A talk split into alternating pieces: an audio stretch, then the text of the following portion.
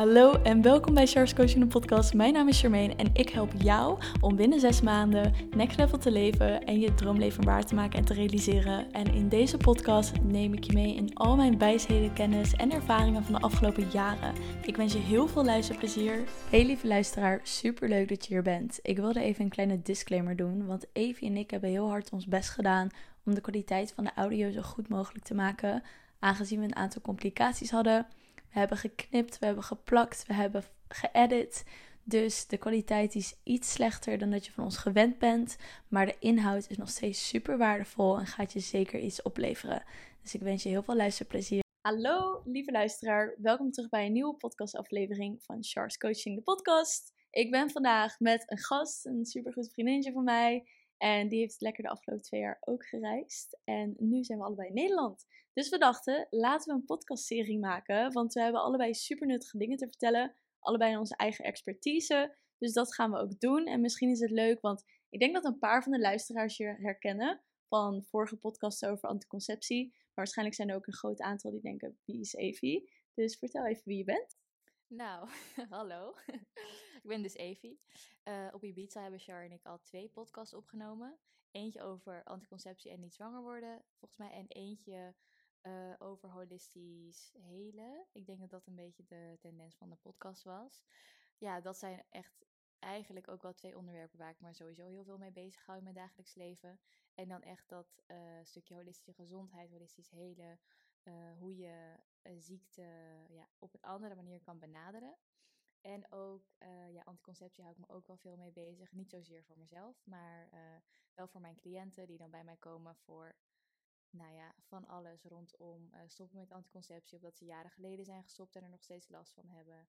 Um, bijvoorbeeld vruchtbaarheidsklachten, die dan al, al dan niet zijn veroorzaakt door anticonceptie.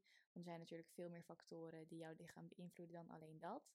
Um, ja, voor de rest heb ik dus uh, inderdaad heel veel gereisd, zoals Charles al zei. Niet alleen de laatste twee jaar, maar daarvoor ook. Ik ben ook zelf um, best wel ziek geweest. Als ik nu terugkijk naar de laatste vier jaar, was dat wel echt uh, vijf jaar eigenlijk. Een thema, een groot thema in mijn leven. En ja, waar hou ik me nog meer bezig? Wat vind ik leuk? Ja, ik vind de natuur in de natuur zijn echt heerlijk. Lekker zwemmen. Ik heb een hond. Hela. Uh, ja. echt een baby. maar echt. ja, ik denk dat dat wel een beetje ja, dat is wel een beetje een soort van samenvatting van mijn uh, leven en persoonlijkheid. En uh, ja, heel erg bedankt dat ik hier weer mocht zitten trouwens. Ja, superleuk. superleuk. Ja, ja, maar je hebt ook zoveel nuttige dingen te vertellen. En ook vaak als wij gesprekken hebben staan, dan denk ik van ja, het is toch onze visie of de perspectieven die wij hebben op dingen zijn best wel waardevol, denk ik persoonlijk, om te delen. Of gewoon dat er iemand zich aangesproken daardoor voelt. Dus ik denk dat we sowieso wel iemand uh, hiermee kunnen aanspreken. Ja, ik hoop het. Ja, vast wel. En ik wilde ook. En anders uh, zijn we lekker aan het kletsen, toch? Ja, ook helemaal gezellig. Ik wilde ook nog aan je vragen, want je vertelde net al een klein beetje aan de luisteraar van oké, okay, afgelopen vier, vijf jaar ben ik ziek geweest. Dat is ja ook een reden waarom je eigenlijk doet wat je doet. En ik wilde ook nog vragen aan jou van misschien wil je met de luisteraar delen hoe, uh, waarom jij gefocust bent op anticonceptie. Ja, um, super goede vraag. Hele brede vraag. Ik kan hier echt sowieso uh, uren over praten. En dan heb ik nog steeds niet alles verteld. Dus ik ga het echt heel uh, beknopt proberen te delen. Maar het, ja, toen ik 19 was, eigenlijk ging alles helemaal lekker in mijn leven. Ik voelde me echt top. Ik sportte veel, weet je wel, werkte gewoon goed. En toen besloot ik een koperspiraal te nemen omdat ik in, uh, ja, ik woon eigenlijk samen. Dus ik dacht, dat is wel gewoon iets wat je als vrouw uh, dan hoort te doen of zo. Want ja, die condoom, dat kan natuurlijk echt niet. Nee, precies. En we willen ook geen baby's. Dus dan is dat de enige oplossing. Dus ja, dus zo had ik gedacht. En ik dacht dan, uh, geen hormonen, daar had ik dan nog wel over nagedacht. Dus dan koperspiraal. Nou, eigenlijk vanaf het moment dat ik dat ding liet plaatsen, ging het allemaal mis niet zo heftig als later, maar wel echt vanaf de eerste dag had ik daar eigenlijk wel last van. Zodat ik hem wel echt uh, duidelijk voelde zitten en ook hele heftige menstruaties kreeg. En uh, wel naar de huisarts gegaan daarvoor. Alleen die zei, je moet even wachten, kijk nog eventjes aan, weet je wel, dat soort dingen. Op een gegeven moment gingen die klachten die ik in het begin had, dus bijvoorbeeld dat ik hem echt, zeg maar, ja, gewoon die beginklachten gingen over. Dus ik dacht, oké, ja, mijn lichaam is er uh, aan gewend. Alleen toen nou ja, eigenlijk al eerder. Maar ik kreeg dus heel veel last ook van andere klachten. En heel breed. eh, heel erg darmklachten, haaruitval, slechtere huid, spierkrampen, eh windweefselontstekingen. Gewoon heel duizelig, vermoeid, angsten. Nou, ik denk dat dat wel de grootste waren. Of de meest, die het meest mijn leven beïnvloeden. En toen uiteindelijk kreeg ik ook een, nou, maar wel pas na een jaar, wel belangrijk om erbij te zeggen, kreeg ik ook een tumor in mijn borst. Eh, niet dat die alleen door de anticonceptie is veroorzaakt, dat eh, denk ik helemaal niet. Want die is uiteindelijk ook weer genezen voordat ik de koperspiraal liet verwijderen. Alleen, ehm, ja, dus toen had ik dat allemaal gehad, eh, tumor genezen. Toen, ehm, ja, toen las ik eigenlijk een artikel over dat eh, wat kopervergiftiging met je lichaam deed. En ik had echt alles. Ehm, wat daar stond. Dus alles wat ik net noemde en nog veel meer. Toen heb ik besloten koperspiraal te laten verwijderen. En toen ging het echt, ja, met mijn hele gezondheid, zeg maar, heel snel de goede kant op. En omdat ik dus ja, zelf heb ervaren hoe heftig dat kan zijn. Omdat ik me eerst gewoon, ja, echt, ik had nooit, ik had niet eens hoofdpijn of zo. Dus ik had echt heel weinig klachten, kon gewoon alles eten. Terwijl ik gewoon later heel veel, door die koperspiraal dus wel, heel veel voedselintoleranties en zo kreeg. Ehm, ja, oh ja, mijn zin klopt nu niet meer. Maar ik wilde dus zeggen, doordat ik zelf heb ervaren hoe eh, heftig dat was voor mijn lichaam, ben ik me daar eh, naast de opleiding ook zeg maar nog persoonlijk in, heel erg in gaan verdiepen. En toen heb ik eigenlijk daaruit ehm ja, boek geschreven ook. Kan je kopen, Char heeft een kortingscode. Ja, ik zal hem in de, in de beschrijving doen. dus eh, best wel veel ook volgens mij die korting. Dus dat eh, zou ik wel echt aan. Ja, volgens mij 20% of zo. Zoiets. Ehm, dus eh, gebruik die mocht je er interesse in hebben. Voor Ja, ik heb hem zelf ook. eh, Het is echt-. Ja, want Evie heeft mij toen de tijd ook geholpen toen ik van de eh, eh, Prikpil. prikpil afging. Ja, toen Ja. heb ik dat boek ook gekregen. Het heeft wel Ja. echt geholpen. Nice. Ja. Ehm, ja, dus toen heb ik dat boek geschreven en vanuit daaruit is eigenlijk ook een praktijk geopend. En toen, ehm, ja, vanaf daar. The rest is history. Ja. Maar echt. Ja, en ook wat je zegt met dat hele stuk van wat jij allemaal als symptomen had van de Ja. koperspiraal. Ik denk dat heel veel mensen niet beseffen dat de anticonceptie zoveel invloed op je kan hebben. Dat inderdaad dat je je depressief voelt of dat je je moedswings krijgt daardoor. En dat het helemaal niet jouw identiteit is. Ja. Oh, En. Ayla zit, Ja, eh, Ayla zit hier heel naar binnen. Wacht, ik laat. Alright, we zijn weer terug. We hebben Ayla even buiten met een bordje neergezet. Ze voelt zich een beetje buitengesloten. Ze was ook buiten gesloten. Ze stond Ja. echt al tien minuten voor het raam te ze van, ik Nee, wil ook waar. meedoen. Nee, ze was er net. Ja, drie minuutjes of zo. Precies. En, ehm, maar, wat was de vraag ook alweer? Oh, Invloed ja. van anticonceptie op moedswings en al die dingen. Oh ja, dat je mensen dat helemaal niet beseffen. Nee. Nee, nou, om heel eerlijk te zijn, ik was echt eh, niet anders daarin. Ja, wel in het begin natuurlijk had ik wel door dat die klachten echt door de koperspiraal kwamen. Maar omdat dat gewoon best wel snel, best wel snel, binnen denk ik drie maanden of zo, waren die eerste klachten wel helemaal weg. En kwamen daarvoor in de plaats heel veel klachten die helemaal niet direct gerelateerd waren met mijn baarmoeder, zeg maar. Dus die darmklachten en het haaruitval en die wat slechtere huid, spierkrampen, duizeligheid, vermoeidheid, dus die mood swings, eh, angsten. Eh, ik had dan niet heel erg last van depressie, maar dat is wel heel normaal om dat wel erbij te krijgen. Ja, je denkt daar gewoon niet aan, want je denkt het heeft alleen maar invloed op mijn vruchtbaarheid. En zeker als je gewoon artsen en zo vraagt van, kan dat hiermee te maken hebben? En zij zeggen nee. Eh, kijk, met anticonceptiepil eh zijn er nu, is er wel wat meer over bekend dat dat wel, zeg maar, dat kan veroorzaken. Maar als je vraagt naar de koperspiraal, is het gewoon nee, zitten geen hormonen in, kan geen invloed hebben op iets anders dan alleen het voorkomen van zwangerschap. Dus ja, dan zit je ook een beetje, ja, ja je, je vertrouwt toch je artsen. En dat, je hoort ook je arts op een bepaald niveau wel te vertrouwen. Eh, alleen hierover heb ik het echt niet over iedereen. Maar heel veel artsen hebben ook niet alle informatie, zeg maar, daarover. En verdiepen zich er misschien ook niet echt in, omdat ze hun focus gewoon ja, meer op een ander eh, gebied ligt. Dus ja, daarin is het ook lastig om een soort van, ehm, weer, hoe noem je dat, weerklank? Om iets, zeg maar, terug te krijgen van je arts, wat jou echt gaat helpen. En ja, ik snap, ik snap echt dat mensen niet beseffen dat al die vage klachten uh, komen van de anticonceptie. Zeker als je het al zo lang hebt. Daarom dat mensen hebben misschien de anticonceptie al sinds dat ze 12 of 13 zijn of 15. En is het ook nog eens zo dat moeders dat ook hebben gehad. Of dat je omgeving dat heeft. Want bijna elke vrouw zit wel aan de anticonceptie. Dus het is heel normaal om aan de anticonceptie, zo, anticonceptie te zitten. En dus niet door te hebben dat het daar vandaan kan komen. Er zit gewoon geen logica in. Ze is weer terug.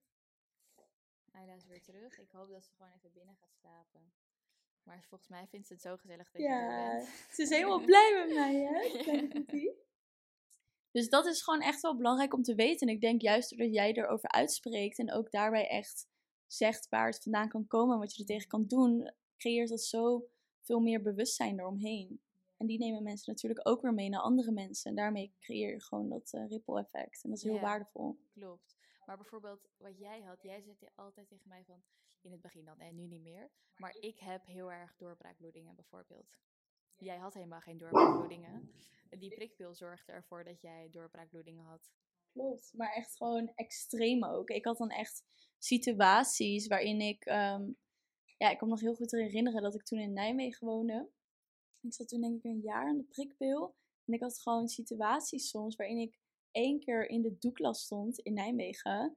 En ik had dan echt spontane doorbraakbloedingen. Ik voelde dat ook niet aankomen. En ik zat dan, ik stond daar in de winkel. En ineens keek ik naar beneden en had ik gewoon één grote plas bloed. Gewoon op de grond, in de winkel. Ja.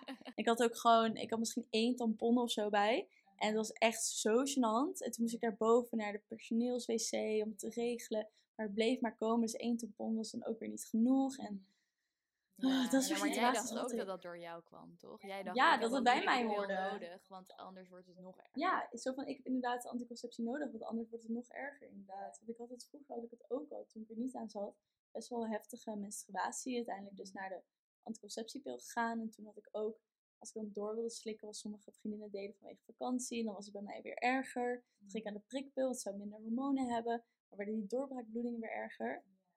Nu ik ben gestopt, al bijna twee jaar, heb ik nergens meer last van. Heb ik gewoon een, norm, een normale menstruatie van twee of drie dagen zonder klachten. Ja. ja, joh. Echt Life's crazy. ja, maar echt. Maar ook waar wij het wel vaker over hebben gehad, je levensstijl speelt hier ook gewoon een hele grote rol in. Ja. Al die extra supplementen en dat ik dan ook vegan eet, denk ik dat er ook wel ja, en sowieso ook uh, mooi brugje slaan uh, naar het loslaten van trauma's in je lichaam. Want gewoon als je daar heel veel trauma's vasthoudt, zorgt ook voor, ja, kan echt voor van alles zorgen. Kan zorgen voor heftige menstruaties, maar kan ook dingen zoals endometriose en zo veroorzaken. Zeker als het uh, gaat om intergenerationeel, zo, intergenerationeel trauma. Um, die daar bij de ontwikkeling daarvan gewoon echt een hele grote rol speelt. En daar heb jij ook gewoon echt heel veel aan gedaan. Gewoon het loslaten van alles wat niet van jou is. Om het maar heel eventjes heel breed te pakken. Ehm, dus naast gewoon je levensstijl ook dat, zeg maar, energetisch loslaten heeft zo'n effect op hoe jij, zeg maar, je menstruatie ervaart. Uh, niet hoe je het ervaart, hoe het gewoon is. En um, ja, dat heb je ook gewoon mooi gedaan. Ja, dankjewel. Ja, dat is ook wel weer zo. En ik denk dat daar, daarbij dan mensen ook vergeten van tenminste, dat is wat ik bij jou heb meegenomen, als ik het goed heb meegenomen. Dat je menstruatie hoor je ook eigenlijk geen klachten te hebben. Ja, klopt. Ja, ja je hoort er echt. Uh, kijk, er is wel uh, bepaalde mate van bijvoorbeeld vermoeidheid. Ja, niet vermoeidheid, maar gewoon als je iets gaat doen Zoals uh, bijvoorbeeld heel hard werken op de eerste dag. En dan gewoon echt hard hard. Niet een beetje iets normaals, maar gewoon hard werken. Dan is het wel normaal dat je lichaam daar minder goed op reageert dan bijvoorbeeld in een andere fase van je cyclus. Dus laten we zeggen meer in het midden van je cyclus. Um, dus dat is wel normaal. Maar je hoort er niet zeg maar pijn te hebben, migraine. Echt heftig vermoeid, uh, spierkrampen, zware benen, uh, opeens acne of pukkeltjes. Um, opeens een hele vette huid, weet je wel, dat soort dingen. En dan al die klachten zoals heftige bloedingen, heftige krampen, rugpijn, en niet uit bed kunnen komen, heel erg cravings. Ehm, dat hoort er ook allemaal niet bij. Dat hoort er gewoon niet bij. Dat is gewoon een signaal van je lichaam dat jij iets mag veranderen, iets mag loslaten. Zeg maar, pak het gewoon zo breed als mogelijk. Uh, zodat je in ieder geval geen opties uitsluit. Want bij sommige mensen ligt het ook niet aan de voeding. Heeft het echt veel meer uh, energetisch uh, ja, zegt het meer iets wat je energetisch mag doen. Of iets wat je mag veranderen in eh, hoe erg je je lichaam uitput. Dat kan natuurlijk ook.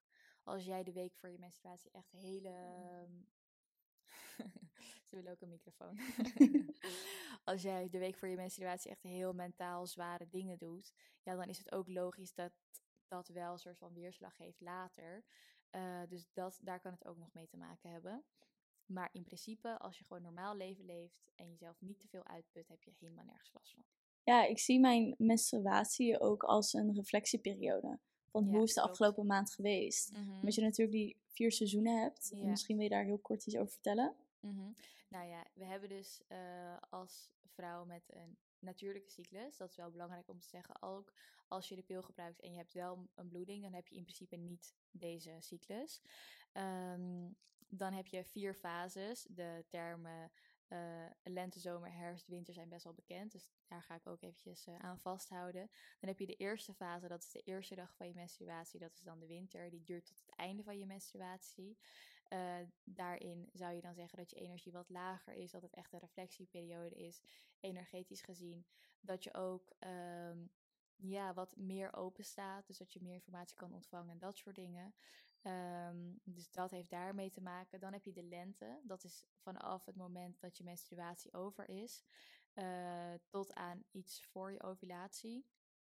En dat is eigenlijk een periode waarin je gewoon weer ehm, ja, als je heftige klachten hebt, dan zou je zeggen dat je nu weer een beetje tot leven komt. Als je gewoon een gezonde cyclus hebt, dan eh, ervaar je dat niet zo duidelijk, maar ervaar je wel meer dat je ja, meer zin hebt om bepaalde dingen op te starten, meer sociaal wil zijn, eh, meer energie hebt, weer zin hebt om zwaarder te trainen. Weet je wel, dat soort dingen, dat kan je dan merken.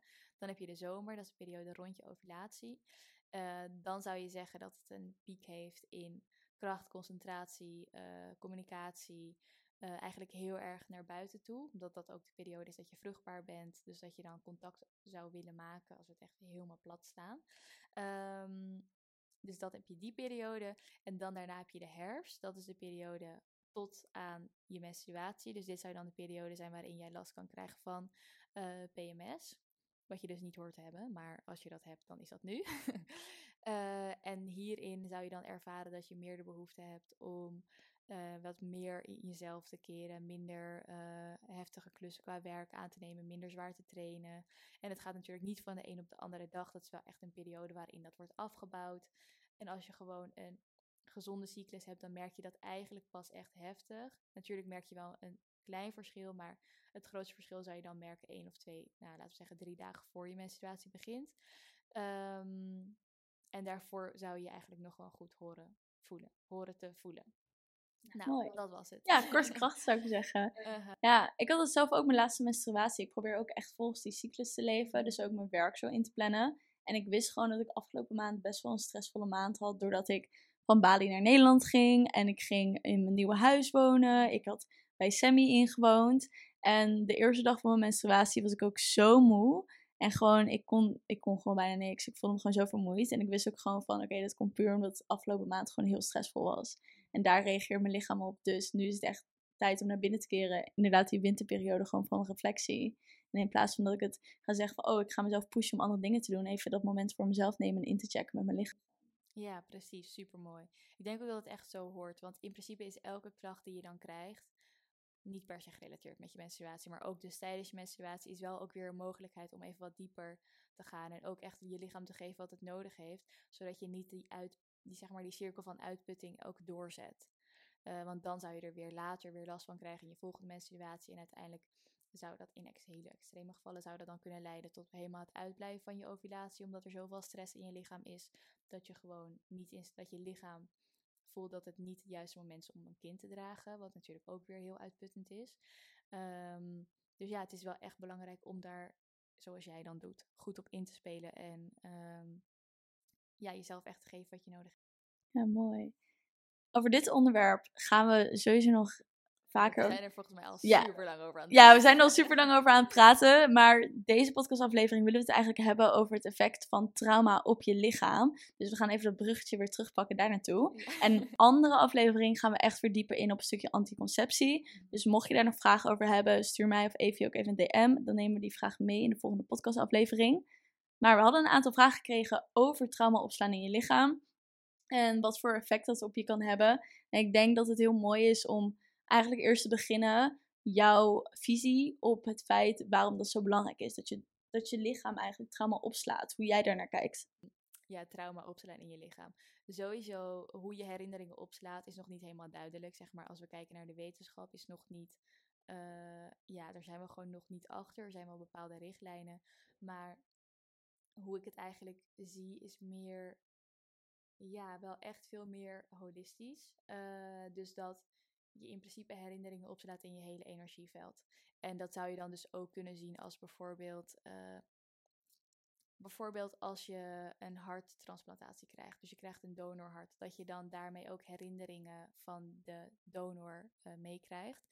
En dat kan zich echt uiten in allerlei verschillende situaties. Dus van talen tot herinnering, tot interesses, tot voedselvoorkeuren, tot angsten, tot uh, partnerkeuze, weet je, allemaal dat soort dingen worden allemaal kunnen allemaal zeg maar veranderen doordat je een orgaan van iemand anders in jouw lichaam krijgt. Nou, dat zegt eigenlijk wel dat herinneringen niet alleen in het brein worden opgeslagen, want als je een lever krijgt, uh, dan zou je ook zeg maar die herinneringen meekrijgen. Worden eigenlijk alle organen getransplanteerd, dat weet ik niet. Maar nieren worden in ieder geval uh, gedoneerd. Dus stel je krijgt een nier, dan krijg je dat ook. En um, ja, dus op die manier um, is het heel concreet, zeg maar. Dat je echt zeker weet dat herinneringen in je lichaam worden opgeslagen. Hoe ik het meer zie, is dat ja, je lichaam is gewoon één energetisch systeem. Dus je brein is gewoon onderdeel daarvan. Dus het wordt ook in je brein opgeslagen, maar ook het wordt gewoon opgeslagen in jouw energieveld. Dus ook in je hele lichaam, in al je cellen. Uh, om het heel kort en bondig zeg maar uit te leggen. Maar hoe zie jij dat eigenlijk? Want uh, jij bent hier ook uh, eh, EMDR-traumatherapeut. ja, ik zie het eigenlijk ook wel hetzelfde. Als je kijkt naar het energetische vlak, waarbij je bepaalde emoties ervaart of bepaalde gebeurtenissen die we vasthouden in ons lichaam. Ik vergelijk het altijd heel simpel met als je een antiloop hebt die achterna wordt gezeten door een leeuw en hij grijpt de antiloop, maar de antiloop ontsnapt, dan zie je altijd dat dieren het van zich afschudden. Zoals ze letterlijk de gebeurtenis, de emoties, het trauma van zich afschudden en daardoor weer door kunnen gaan. Wij als mensen houden dat heel vaak vast. Dus er gebeurt iets en we worden boos of verdrietig we houden dat vast, want dat mag niet, mag niet uiten. Dus het slaat zich op en er gebeurt weer iets en je slaat het weer op. En uiteindelijk zit het zo vast in je lichaam, waardoor je fysieke uitingen krijgt en je dus ziek kan worden of iets anders krijgt. Wat laat zien van ja, je hebt te veel opgeslagen in je lichaam, je moet het loslaten. En daarom heb je ook al die mooie methodes waarvan ik er ook al zelf een aantal heb geprobeerd, zoals EMDR of vrijdag had ik een emotional release session. Dat je letterlijk een plek aanraakt in je lichaam waar iets gebeurt, doordat je gaat ademen of doordat je naar een overtuiging gaat of herinnering. En puur doordat je daar naartoe gaat, zie je ineens wat het trauma is of wat de gebeurtenis is. Komt er een emotie vrij en daarna voel je je veel beter. Het laat gewoon letterlijk zien hoeveel je lichaam onthoudt en opslaat. Want anders kom je nooit bij zo'n herinnering of bij zo'n gebeurtenis wat impact op je heeft gemaakt. Wat je soms niet eens weet. Ja, echt perfect. nou, echt super mooie toevoeging. Dat vind ik inderdaad ook. En um, ja, hoe, uh, want jij hebt dan dat gedaan. En hoe merk jij dan bijvoorbeeld, want jij hebt EMDR gedaan, je hebt natuurlijk plantmedicijnen gedaan, je hebt uh, emotional release sessie gedaan, je hebt, wat heb je nog meer gedaan? Wat heb je nog? Oh ja, ademwerk natuurlijk ook heel belangrijk. Uh, en ook meer integrale, dus zeg maar sessies waarin dat allemaal wordt samengevoegd. Hoe merk jij dan bijvoorbeeld dat, uh, leuk dat ik deze rol van interviewer heb overgenomen, maar hoe merk jij in jouw lichaam dat je iets loslaat? Hoe ervaar je dat? Zeg maar vanaf het moment dat het zeg maar omhoog komt tot het moment dat het los komt, want het komt eerst los natuurlijk uit die specifieke plek door je hele lichaam en dat je het dan loslaat. Hoe uh, ervaar je dat? Um, als ik bijvoorbeeld kijk naar afgelopen vrijdag, toen ik die emotional release session had, wat we eigenlijk gingen doen is gaat bepaalde ademwerk doen. Dus eerst ga je meditatie doen, dan doe je ademwerk, waarbij je dus diep in en uit gaat ademen door je mond. En uiteindelijk gaat ze, ging ze haar hand op mijn borst leggen, ging ze vragen, oké, probeer echt je bewustzijn onder mijn hand te brengen, lukt dat? Dus ik zei, nee, lukt niet, ik merk dat ik steeds met mijn energie bij mijn hoofd zit. Dus ging ze daar naartoe. En zo gingen we naar elke plek in mijn lichaam waar ik iets voelde. Dus op een gegeven moment voelde ik tijdens de sessie dat mijn benen heel veel spanning hadden en mijn voet had ook heel veel spanning toen bij mijn onderbuik dat ik heel veel voelde. En uiteindelijk ging ze op bepaalde punten ook drukken.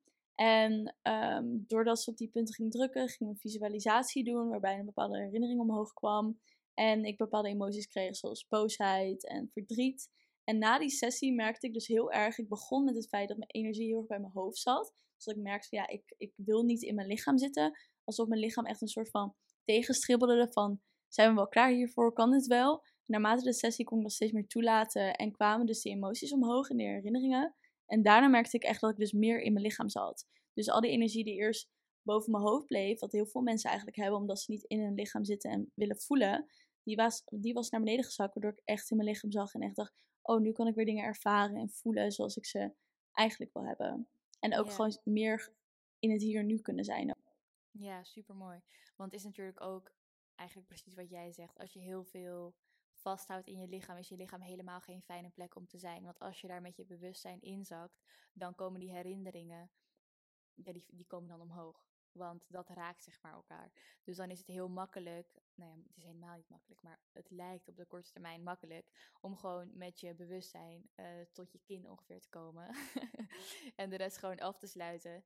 Um, en dat je gewoon ook lastig kan voelen wat, er, ja, wat zich in je lichaam afspeelt. Dat je niet goed kan verbinden met je lichaam. Dat je niet, als je nu denkt van oké, nou hoe zit eigenlijk die spier in mijn bovenbeen? Als je daaraan denkt, hoe voelt die op dit moment? Als je dat nu niet zeg maar goed kan voelen, dat betekent eigenlijk dat er een bepaalde vorm van, eigenlijk lichte vorm van dissociatie is. Ehm, ja, omdat het gewoon onveilig voelt voor jouw bewustzijn om daar te zijn.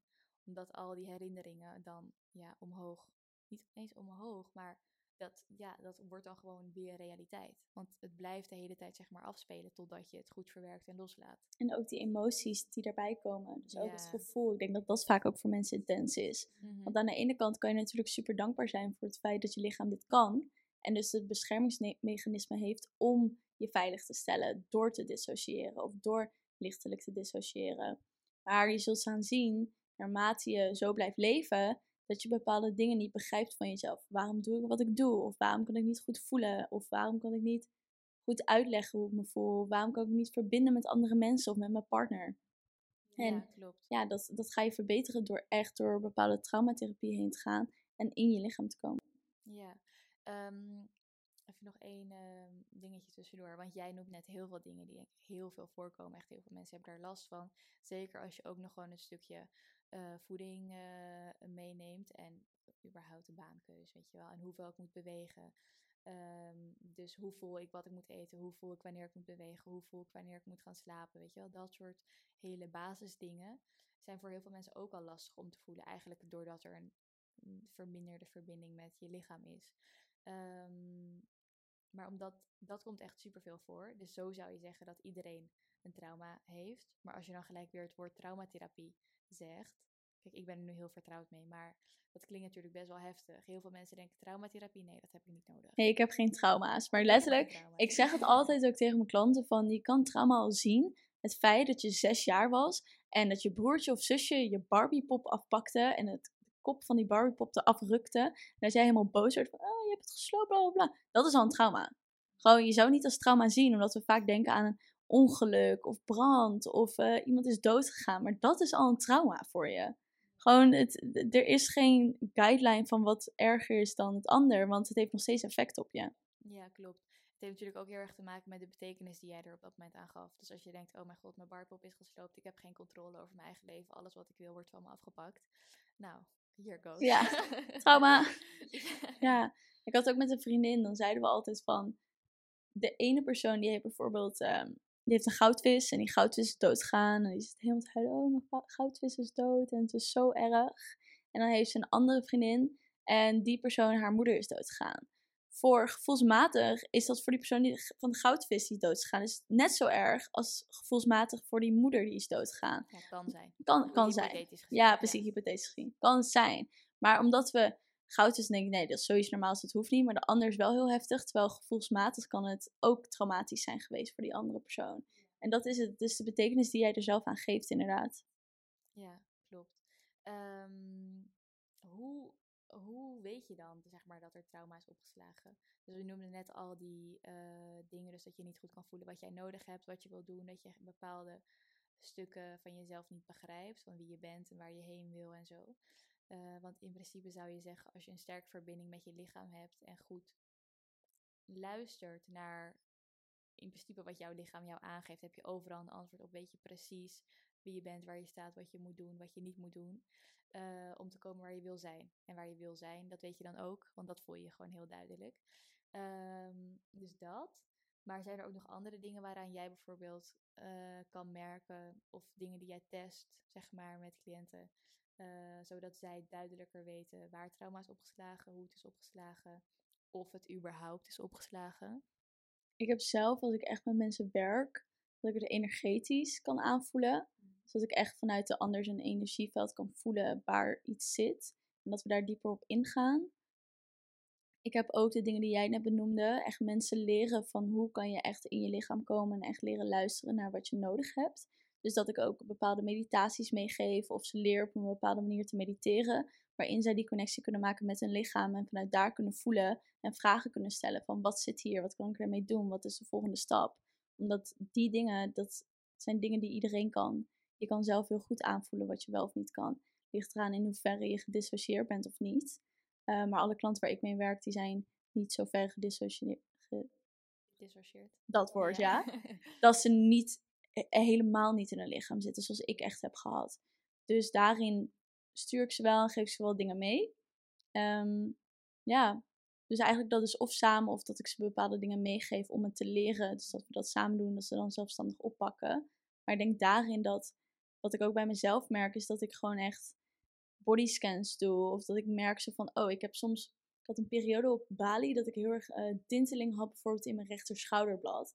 En dat ik dan ging onderzoeken, oké, wat is dat dan? Ging ik zelf erop intunen. Of ik had dan een soort van guideline gevonden met bepaalde affirmaties op elk deel van je lichaam, wat het dan zegt en wat het kan zijn. En ging ik daar weer verder op inkijken. Dus zodoende zijn er allemaal tools en manieren om daar verder op in te gaan. Ja, echt super mooi. Ja, en hoe kijk jij daarnaar? Uh, ja, eigenlijk wel een beetje op dezelfde manier. Ik heb wel ook dat ik echt uh, bijvoorbeeld spanning in het lichaam, dus waar ben je bijvoorbeeld stijf, welke spieren hebben geen functie, weet je wel. Het gebeurt best wel vaak. En mensen zijn zich daar niet echt van bewust, maar het gebeurt heel vaak dat als je uh, trauma's opslaat in je lichaam, dat het op een gegeven moment zo heftig wordt dat je hele spierfunctie verliest. Um, en dat heb je niet zo heel snel door als je niet heel geavanceerd of gewoon heel ver bent in bijvoorbeeld je sport. Want dan zou je zien dat je lichaam niet helemaal symmetrisch traint. Um, maar omdat je lichaam zo handig is in het ja, overcompenseren eigenlijk, dat het gewoon die functie uh, ergens anders. Bijvoorbeeld je verliest functie in je bilspier, dan kan je hamstring heel sterk worden. Of je hebt meerdere bilspieren, dan wordt een andere spier sterker. Terwijl uh, de ene spier helemaal zeg maar geen kracht heeft, letterlijk nul. Um, nou ja, niet 0-0, maar echt heel laag. Zoveel dat je niet eens een kilo ermee op kan tillen. En uh, dus daar kijk ik ook echt naar. Ik vind dat ook een hele makkelijke manier, omdat het gewoon heel tastbaar is. En iedereen kan het doen. Dus iedereen kan voelen waar heb ik spanning, welke, uh, waar mis ik flexibiliteit, waar mis ik kracht, weet je wel, dat soort dingen. En uh, natuurlijk is de ene persoon sterker dan de andere. Hangt ook af van je training bijvoorbeeld. Maar iedereen heeft wel Ieder gezond lichaam heeft functie in alle spieren. En um, in principe is je lichaam ook niet stijf. Dus er is een hele bekende quote die ik nu eventjes, ik weet niet meer van wie, maar ik zal even vertalen in het Nederlands. Uh, dat is, uh, het lichaam is niet stijf, maar de geest is dat wel.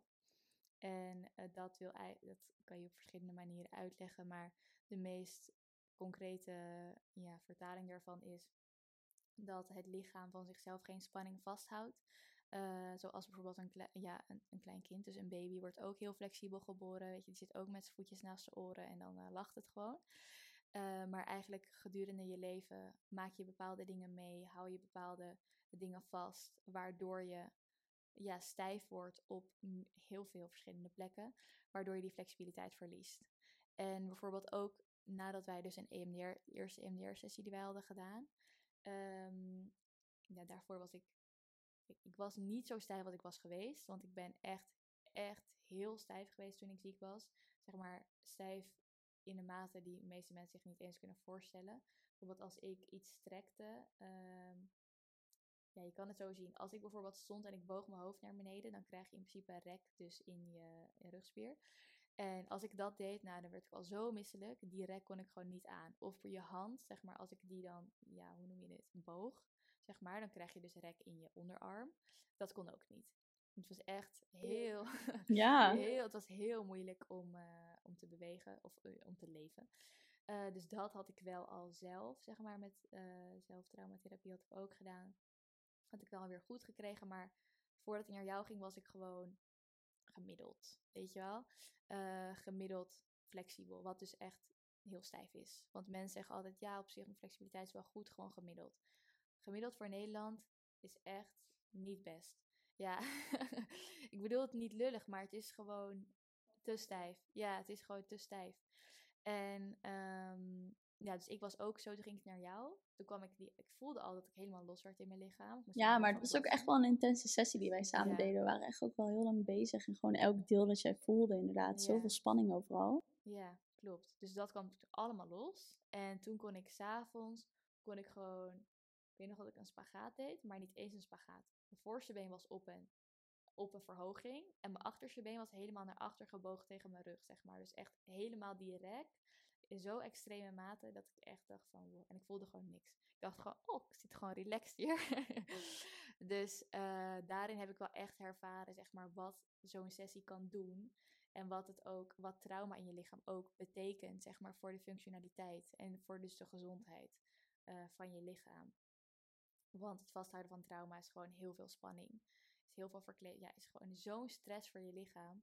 En fysieke stress is gewoon een, van de grootste oorzaken, veroorzakers voor het niet hebben van een zelfhelend vermogen. Dus dat zelfhelend vermogen wordt verminderd in je lichaam. En dat zorgt dus weer voor eh, ja, dat ziektes zeg maar, ontstaan. En dat is misschien ook een mooie aansluiting op een van de vragen die we hadden gekregen. ehm, waarbij iemand vroeg, wat is de rol van stretchen van het lichaam in betrekking tot trauma? Oh ja. Eh, ik denk dat dit echt een hele brede vraag is, dus we moeten maar samen beantwoorden. Maar sowieso, eh stretchen kan heel erg helpen om dichter bij je trauma te komen. Dus in principe eh, vind ik het zelf makkelijker om een trauma echt naar boven te laten komen in mijn eigen lichaam. Als ik de plek waarin dat is opgeslagen, ehm, als ik daar een bepaalde druk op zet. Dus bijvoorbeeld, je zou dan zeggen, er zit iets in mijn schouder. Dan zou, ik mij, dan zou het voor mij makkelijker zijn om te komen, zeg maar, om tot de kern te komen als ik mijn schouder oprek. Dus dan zou ik mijn arm boven mijn hoofd trekken in een positie die ja, op dat moment voor mij niet comfortabel is.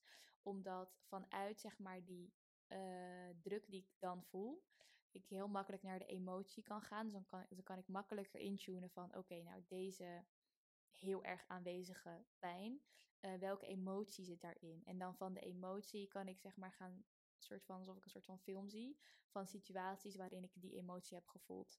En dan zeg maar die film gewoon doorspoelen tot het moment, eigenlijk een soort van bijna zelfhypnoseachtig eh, proces, eh, tot het moment waarop eh, de juiste herinnering, dus die daar aan ten grondslag ligt, naar boven komt. Dus dat is voor mij wat stretchen betekent. Ehm, ja, en op die manier kan je dat dus weer neutraliseren met een techniek die voor jou eh, passend voelt. En kan je dat loslaten en heb je dus op die manier een trauma uit je lichaam losgelaten. Ja, mooi. Ik moet dan ook denken aan het feit dat wij... Nog één ding, Oh, die, ja? die, die spanning gaat dan ook weg en die komt ook niet meer terug. Dus dat is heel belangrijk, zeg maar, als jij merkt dat je dat hebt gedaan, maar de spanning is volgende dag weer terug, dan was het misschien wel nuttig, maar had je misschien niet de juiste eh, herinnering te pakken. Ja, ik ben niet diep genoeg gegaan. Ja, precies. niet de wortel eruit getrokken. Ja. Wat ik wilde zeggen was dat het me ook doet denken aan het feit dat wij als vrouwen ehm, heel veel emoties of trauma's ook in onze heupen opslaan. ja. Ja, en dat ik toen ik in Amsterdam woonde, dat is eh, zes jaar, vijf jaar geleden of zo. Toen ging ik yoga altijd doen elke week. Nou, ik, wist, ik was helemaal niet hiermee bezig, dus ik had geen idee. En dan ging ik al van die stretches doen. Eh, ik ging dan yin-yang yoga doen, dus je echt twee of drie minuten in een stretch zit. Dan deed ik van die stretches voor mijn heupen. En soms moest ik dan ineens huilen. En dat ik echt daarna dacht, van daarna voelde ik me helemaal top. Toen dacht ik, hè, dat is echt heel raar, waarom moet ik huilen? En dat ik nu echt denk van ja, omdat het daar opgeslagen zit. Dus letterlijk gewoon door je aandacht daar naartoe te brengen, komen dingen omhoog, emoties of herinneringen. Dat is eigenlijk gewoon zo bijzonder dat heel veel antwoorden in je lichaam zitten. Alle. Alle antwoorden. antwoorden. Ja, dat vind ik ook echt. Eh, wat ik, dat sluit op zich wel weer mooi aan aan wat ik net zei. Dus jij hebt dan wel zeg maar die emotie gevoeld, maar in principe kwam die spanning altijd weer terug, toch?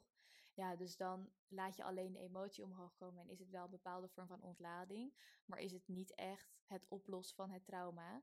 Eh, dus daaraan kan je dan mooi, ja, mooi het verschil merken of het zeg maar effectief genoeg voor jou was. Ehm, ja, dat is wel, ik denk dat die vraag wel zo volledig. Wil je nog iets toevoegen?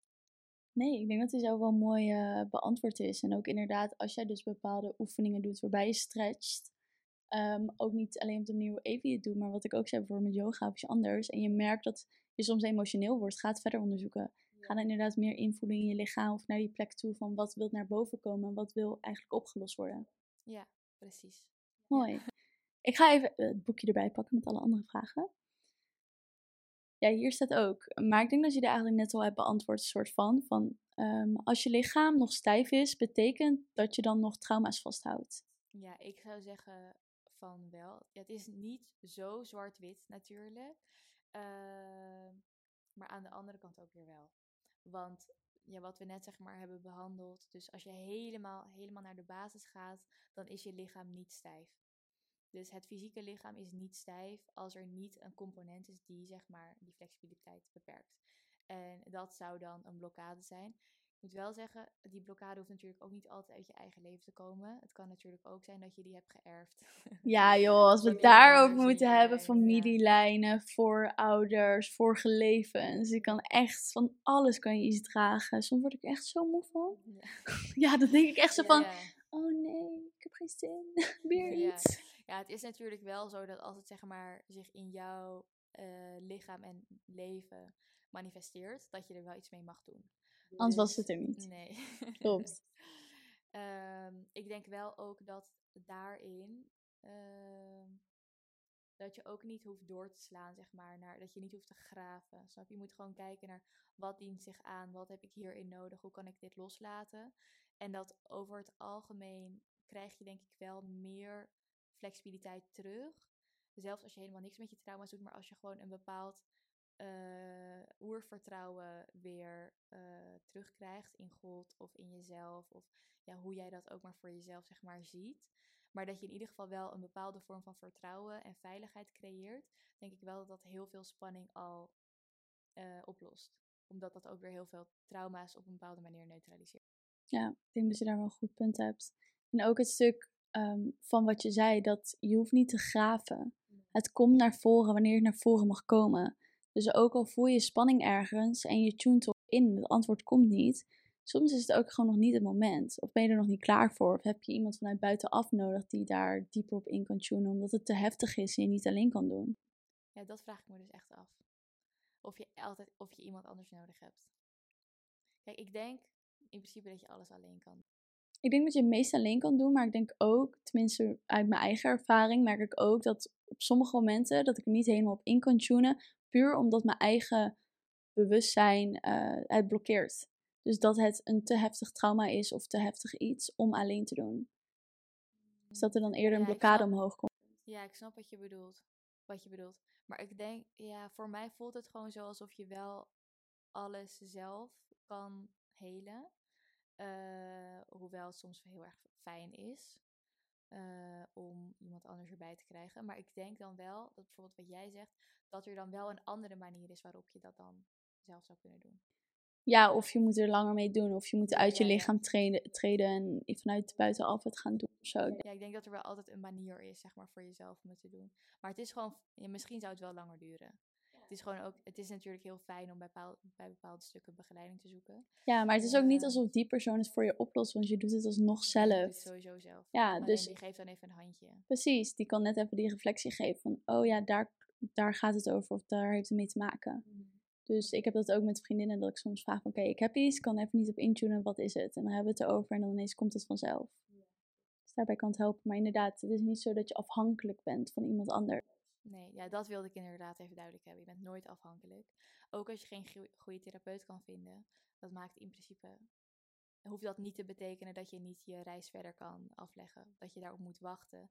Want je bent van niemand afhankelijk en je hebt volledige autoriteit en autonomiteit uh, over jouw lichaam en leven. Ja, en ook zelfheling. Ja, ja. klopt. En- Natuurlijk. Dat sluit weer heel mooi aan op de vraag die je me stelde. Hoe vind ik een goede EMDR-therapeut? Oh ja.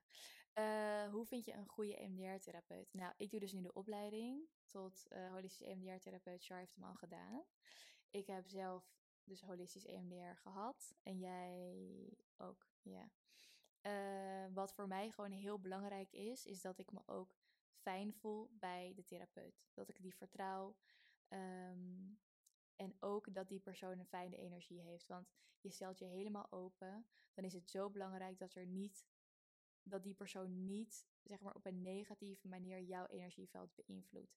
Dus of die persoon moet er helemaal uitblijven, of je moet denken, nou stel onze energie zou een beetje mengen, dan is dat voor mij in ieder geval positief. Ehm, dus iemand moet gewoon heel zuiver zijn. Eh, voor mij wil ik me daarvoor openstellen, anders eh, blijf ik liever gesloten.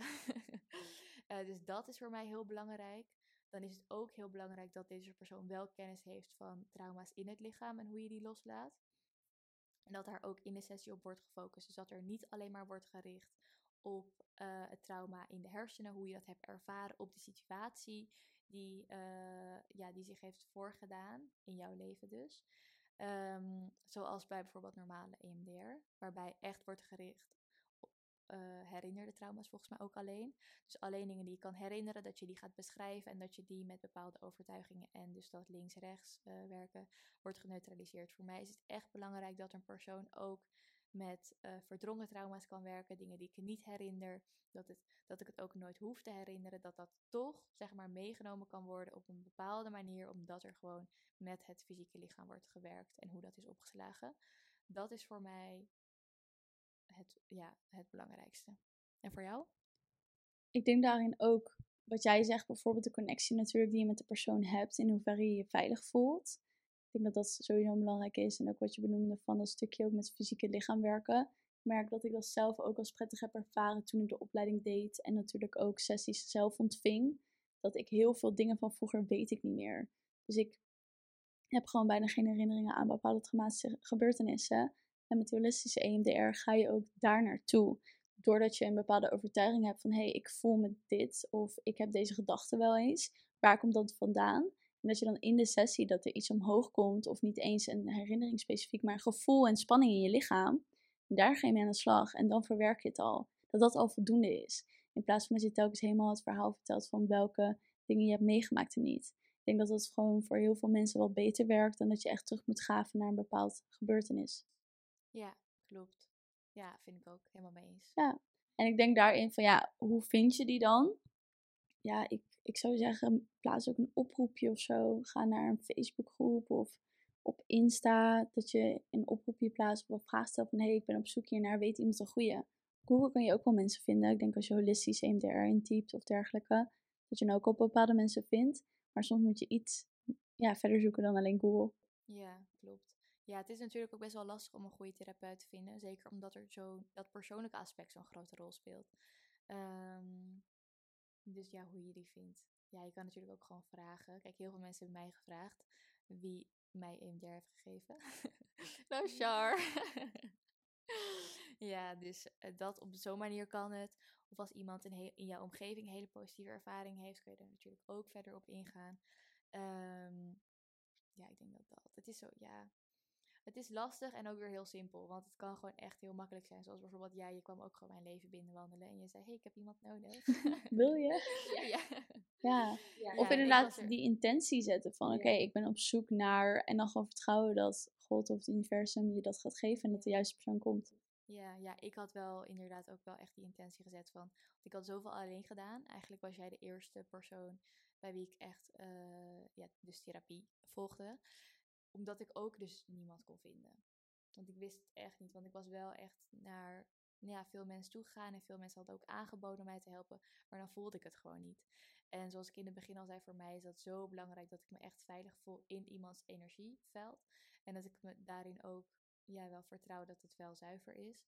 Um, en dat die persoon ook echt hele pure intenties heeft, weet je wel. En dat die persoon niet ja, gewoon voor iets anders doet dan om mij te helpen in principe.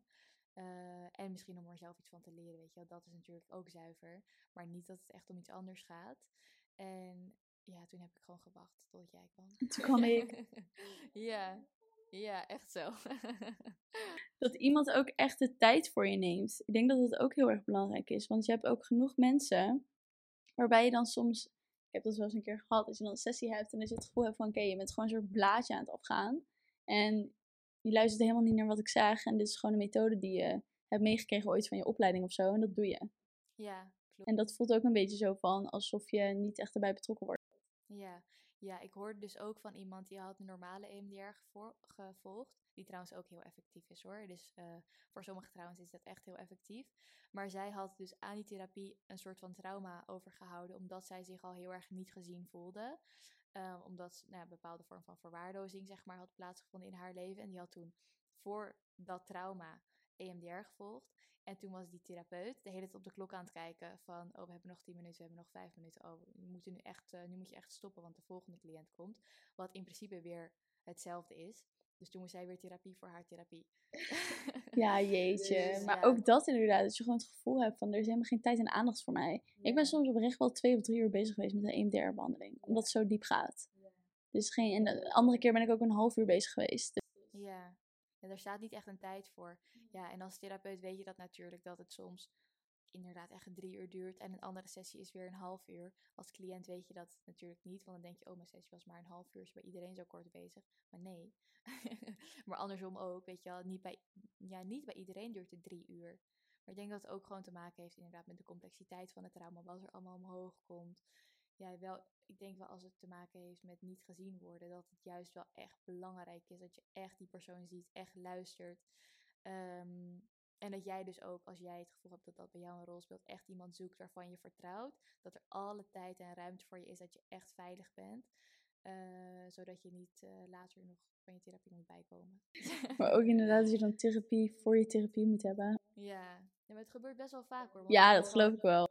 In niet alleen zeg maar conventionele therapie, want dat, zijn dan gevolgd, maar ook gewoon in de ja, hele natuurlijke therapie, healing, healing community-achtige dingen ja, vind ik gewoon dat er best wel veel mensen wel actief zijn die niet, nou laten we het even lief houden, die er gewoon nog niet klaar voor zijn om deze begeleiding te bieden. En dat toch wel doen om bepaalde redenen die misschien meer te maken hebben met of financiën of het ego of weet je wel, dat soort stukken. Uh, dus het is wel belangrijk dat je wel echt met zorg je begeleider kiest. Ja, maar dat je dus ook zulke behandelingen krijgt en dan wantrouwen krijgt in de behandelingen, omdat het niet goed gaat of je niet gezien voelt of dergelijke, en je dus ook geen actie meer onderneemt. Ja, klopt. Klopt. Dus je kan een beetje preventief gewoon zeggen, als je je niet fijn voelt bij iemand, zelfs heb je al een intake gedaan, dat je gewoon zegt: nee, sorry, uh, ik voel hem toch niet meer, of het voelt gewoon voor mij niet juist op dit moment. Kijk, therapeuten die gewoon zelf dit pad hebben doorlopen, die snappen dat echt wel. Ik zou me nooit persoonlijk voelen aangevoeld. Nou, het is nog niet gebeurd, maar stel dat het zou gebeuren dat uh, iemand die bij mij een intake doet toch zegt van hé, hey, ik heb toch iemand anders, zou ik zeggen nou, good for you. Ja, want dat is gewoon beter voor jou en de cliënt. Ja. Want waarom zou je dan zeggen nee, je moet het bij mij doen, want, want dan voelt die cliënt zich ook helemaal niet veilig. Ja, nee, maar dat zou, stel je zou dat niet eens zeggen, maar je zou gewoon denken van oh, nou vind ik het niet zo leuk. Dat zou oprecht niet eens in mij opkomen. Nee, maar dat is gewoon een ego-stukje. Ja. Oprecht, ja. Dan denk je alleen maar aan jezelf zowat. Ja, dus voor iedereen die luistert, uh, ga gewoon echt, je kan op elk moment, zelfs midden in de eerste sessie, kun je gewoon zeggen: Ik heb me bedacht. Ik wil dit toch niet. Jij hebt altijd, zeg maar, die autoriteit. Uh, jij, jij, hebt sowieso altijd controle. Dat is ook belangrijk dat je het gevoel hebt dat jij bij je therapeut volledig controle hebt over wat er gebeurt. Want jij hebt ook de controle. niet iemand anders, alleen jij.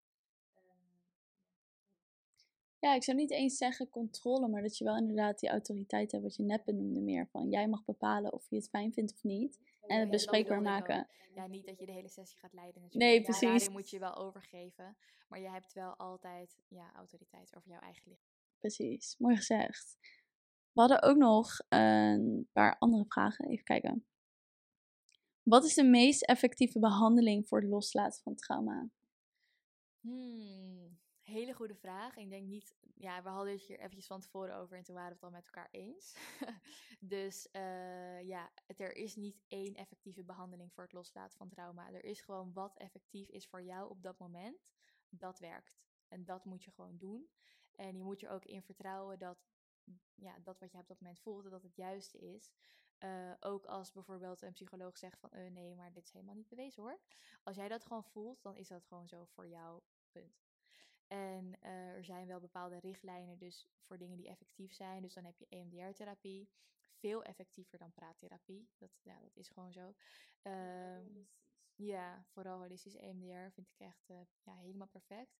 Dan heb je bepaalde uh, dingen die je met je lichaam kan doen. Dus dat kan zijn uh, ademwerk, stretchen, weet je wel. Dat soort dingen helpen allemaal heel erg.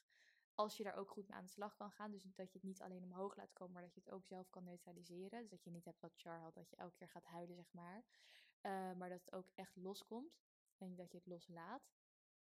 Um, en dan heb je nog bepaalde manuele therapieën die ook helpen. En dat gaat dan echt over werken met bepaalde drukpunten, massage, ja, speciale massages, uh, zodat je ook meer bewustzijn krijgt over wat zich in jouw lichaam heeft opgeslagen, dat dat wordt losgelaten, uh, of dat het loskomt en dat jij dat eventueel alleen of in combinatie of in. Nee. Ja, dat die therapeut je daarbij helpt in ieder geval. Uh, dus die masseur.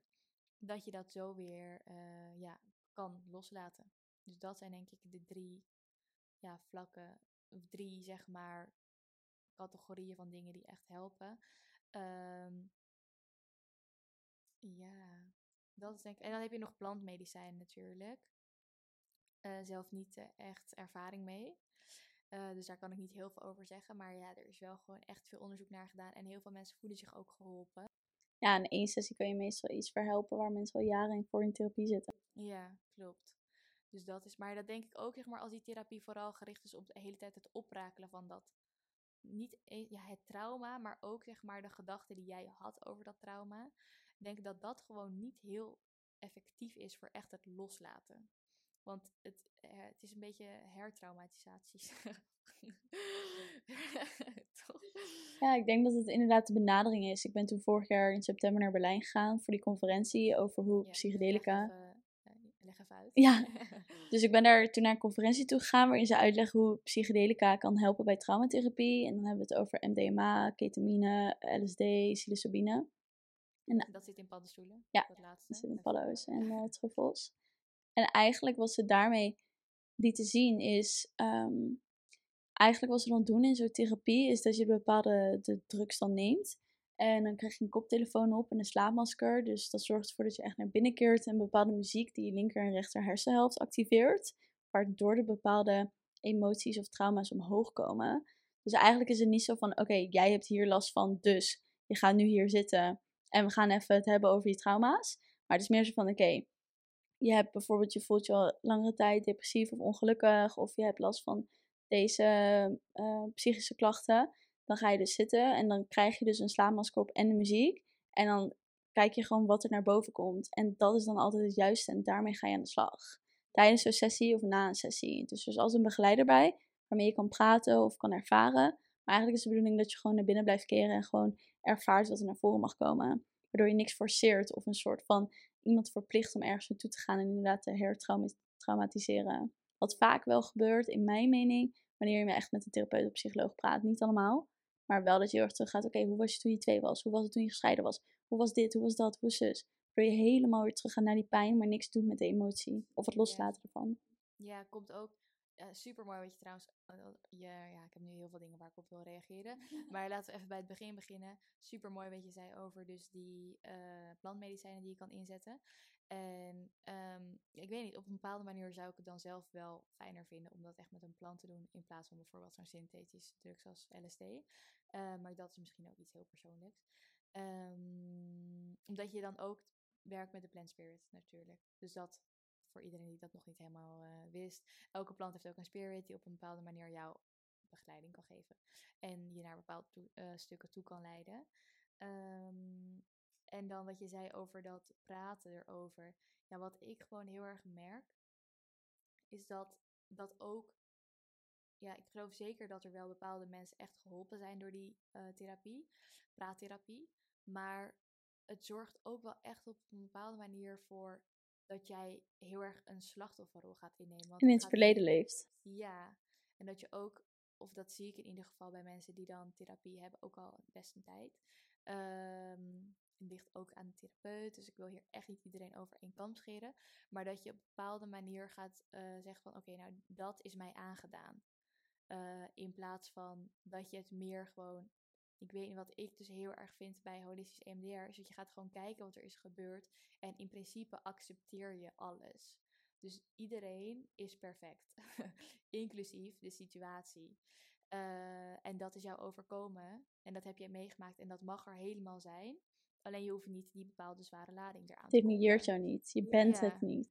Ja, dus het is ook niet jou aangedaan. Het is gewoon gebeurd, punt.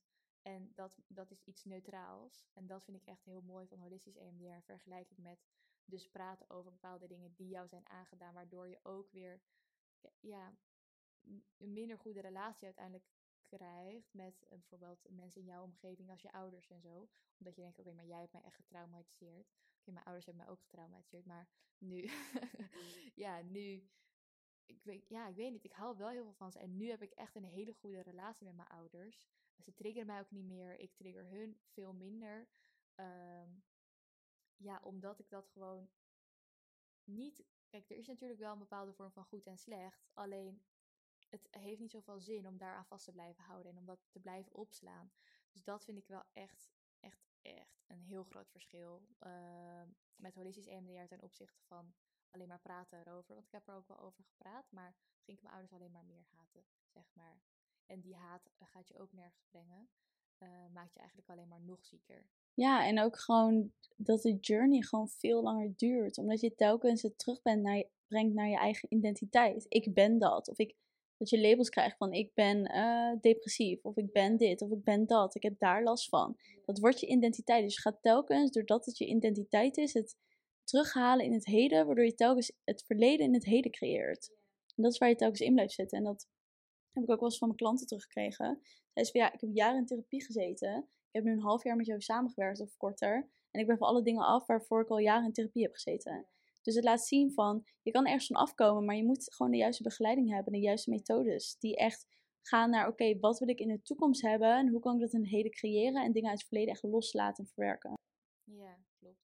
Ja, het is natuurlijk inderdaad ook wat jij zegt van ik ben depressief of ik heb PTSS. Ik had dus PTSS. Ehm, maar in principe wat dan conventionele therapie mij, waar dat heen zou gaan, was dat ik zou leren omgaan daarmee. Maar dan, heb ik, dan ben ik opeens PTSS geworden. En moet die PTSS, zeg maar, uh, mijn leven opeens gaan. Ja, eigenlijk is dat het een beetje.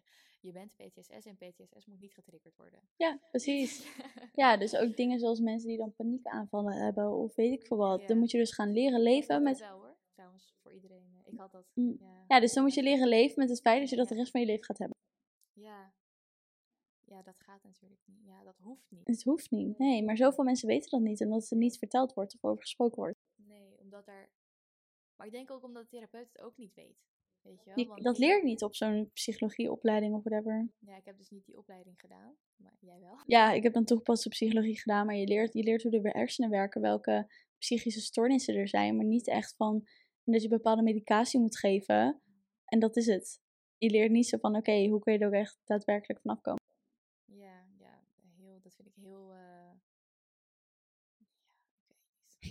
Vinden we heel veel van. Dat vinden we bijzonder. heel veel over te zeggen. Ja, oh ja. Oh, we zijn al best wel lang aan het praten. Ja, maar, echt. Uh, ja, ik geloof wel dat je echt overal vanaf kan komen. Ja, ik ook. Ik heb het ook gezien. Ook gewoon uh, bij mijn eigen moeder, bij mezelf, bij jou. Weet je wel, niet alleen dat, maar ook met je tumor en zo. Dat je daar vanaf bent gekomen. Er zijn gewoon zoveel methodes en manieren. Maar je moet er maar naar onderzoeken of naar kijken. Of mensen in je omgeving hebben die dat snappen. En daarover praten. Ja, klopt. Je had het trouwens net ook nog over uh, manuele therapie om oh, trauma los te laten. Wil je daar misschien nog over vertellen van, oké, hoe helpt dat dan precies? Je had het over drukpunten en massages. Ja, uh, ja, manuele therapie, dat is natuurlijk een hele brede term. En ik denk ook echt dat voor iedereen zeg maar iets anders effectief is. En zelfs voor één persoon dat verschillende dingen op verschillende momenten effectief zijn. Uh, want je hebt natuurlijk massages. Je hebt ook echt massages die er helemaal op zijn gericht om uh, dingen los te laten in je lichaam die zijn opgeslagen. Ja, een mooi voorbeeld daarvan is eigenlijk, je hebt dus hele zachte massages, maar een, een voorbeeld daarvan is cupping, wat we ook allebei doen. Ja, ik heb bijvoorbeeld best wel vaak dat als mensen ehm, als ik mensen cup, bij hun schouders bijvoorbeeld, dat ze daar echt wel een lichte paniekaanval van krijgen. Omdat op elk moment dat zij stress ervaren, zij heel erg die schouders aanspannen. Waardoor die stress van dat moment in principe in de schouders blijft zitten. Als je dat losmaakt, komt al die stress en die emoties komen weer vrij in het lichaam. Uh, waardoor je dus, op, als je dat zeg maar dan goed begeleidt, of als die persoon dat zelf kan, is dat helemaal perfect natuurlijk. Um, ja, waardoor je dat op dat moment weer kan loslaten. Dus zo kan je het eigenlijk ja, heel makkelijk, heel kort beschreven, kan dat op die manier helpen om uh, ook weer trauma's los te laten. En dan heb je ook nog veel zachtere vormen van massage. Ik denk dat die ook uh, heel helpend kunnen zijn als bijna als een soort van exposure therapie. Als je moeite hebt met mensen die je lichaam aanraken, dat je ook weer kan voelen van, oh, het kan ook fijn zijn als iemand mij aanraakt, weet je wel. Ik kan helemaal mijn grenzen aangeven. Je kan bijvoorbeeld aan je tegen je therapeut zeggen, oké, je mag hem wel aanraken, maar ik wil niet dat je bijvoorbeeld mijn linkerheup aanraakt of zo. En dat die persoon, dat je elke keer weer voelt dat die persoon daar helemaal omheen gaat. Dat je denkt van, dat je op die manier weer een stukje autoriteit over je lichaam terugkrijgt. Um, ja, en dan heb je nog meer hardere vormen van manuele therapie of drukpunten. Uh, dat zijn eigenlijk weer twee verschillende. Dus eerst de wat hardere vormen van massage of bijvoorbeeld uh, osteopathie. Ja, osteopathie is niet helemaal de goede uh, benaming, maar wel iets waarbij je lichaam eigenlijk weer goed wordt gezet. omdat, zo, ja, waar ik het eerst over had, dat als je trauma opslaat in je lichaam, dat je dan spierfuncties kan verliezen. Als um, met bepaalde vormen van dus manuele therapie, kan je die spierfunctie weer helemaal terugbrengen. Door zo'n spier weer los te uh, maken. En ook de emoties die zeg maar dan vrijkomen goed te verwerken op dat moment. En dat gaat heel snel. Het is niet dat je daarvoor ook nog een psycholoog nodig hebt. Als dat gewoon vrijkomt en je ervaart dat goed en je, ja, je accepteert alles, dan is dat snel weer uh, ja, zeg maar goed. Um, dus dat. En dan heb je nog drukpunten. En drukpunten, dan ga je meer kijken naar meridianen, dus energiebanen die door je lichaam lopen. Dat je die op een bepaalde manier stimuleert, uh, zodat je lichaam weer meer in um, alignment komt eigenlijk. Dat jij ook weer meer terugkomt in je lichaam.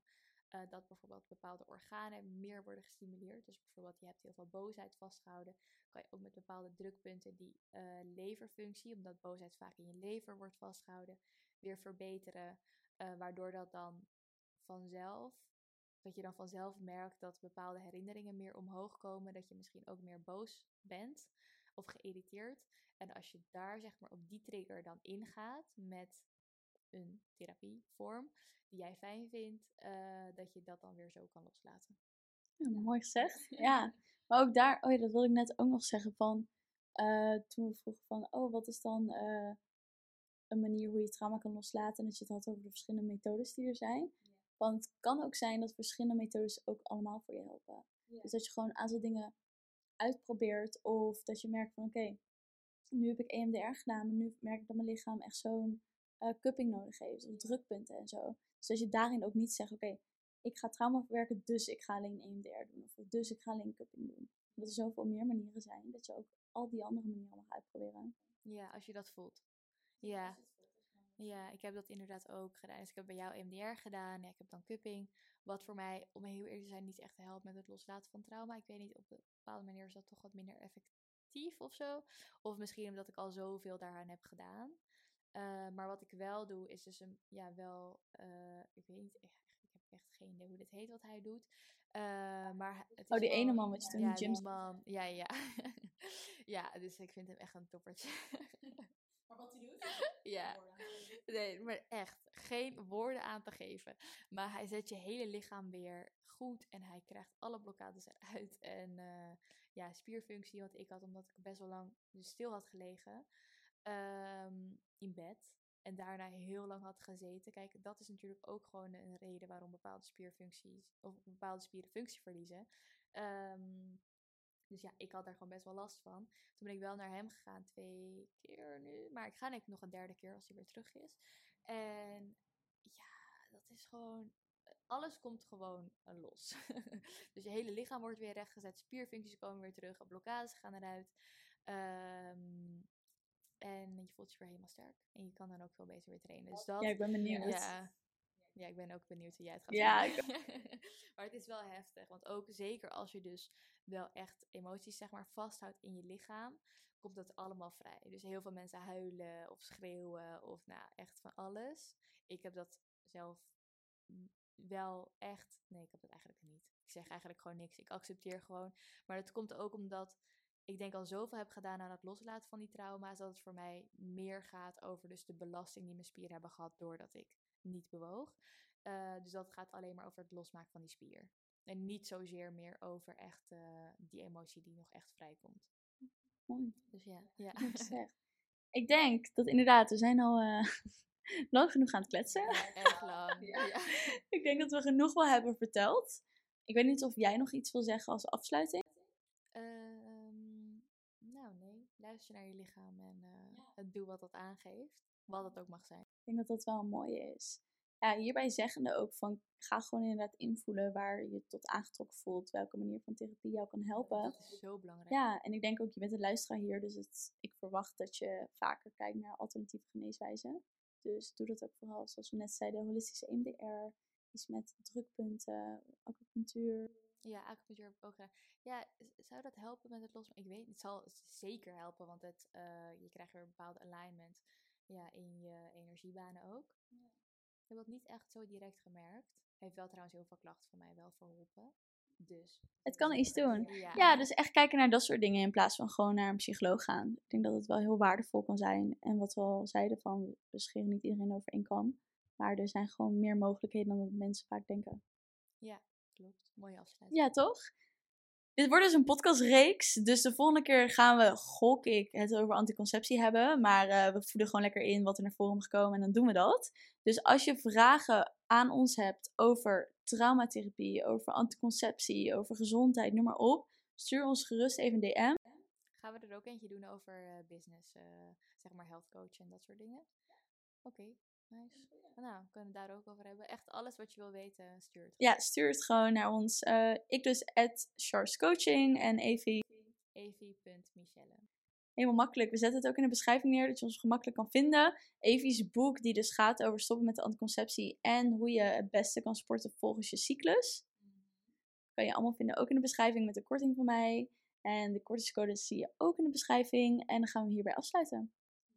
Yes. Nou, heel erg bedankt voor het luisteren. Ja, dankjewel voor het luisteren. Deel het vooral ook op je Instagram. Maak een screenshot van de aflevering en tag ons eh at Coaching en at evie.michelle. Dan kunnen we het zien, kunnen we reageren, vinden we leuk. En tot de volgende. Dankjewel voor het luisteren. Vergeet me niet te volgen op Instagram. En je helpt mij ontzettend door een review achter te laten op iTunes.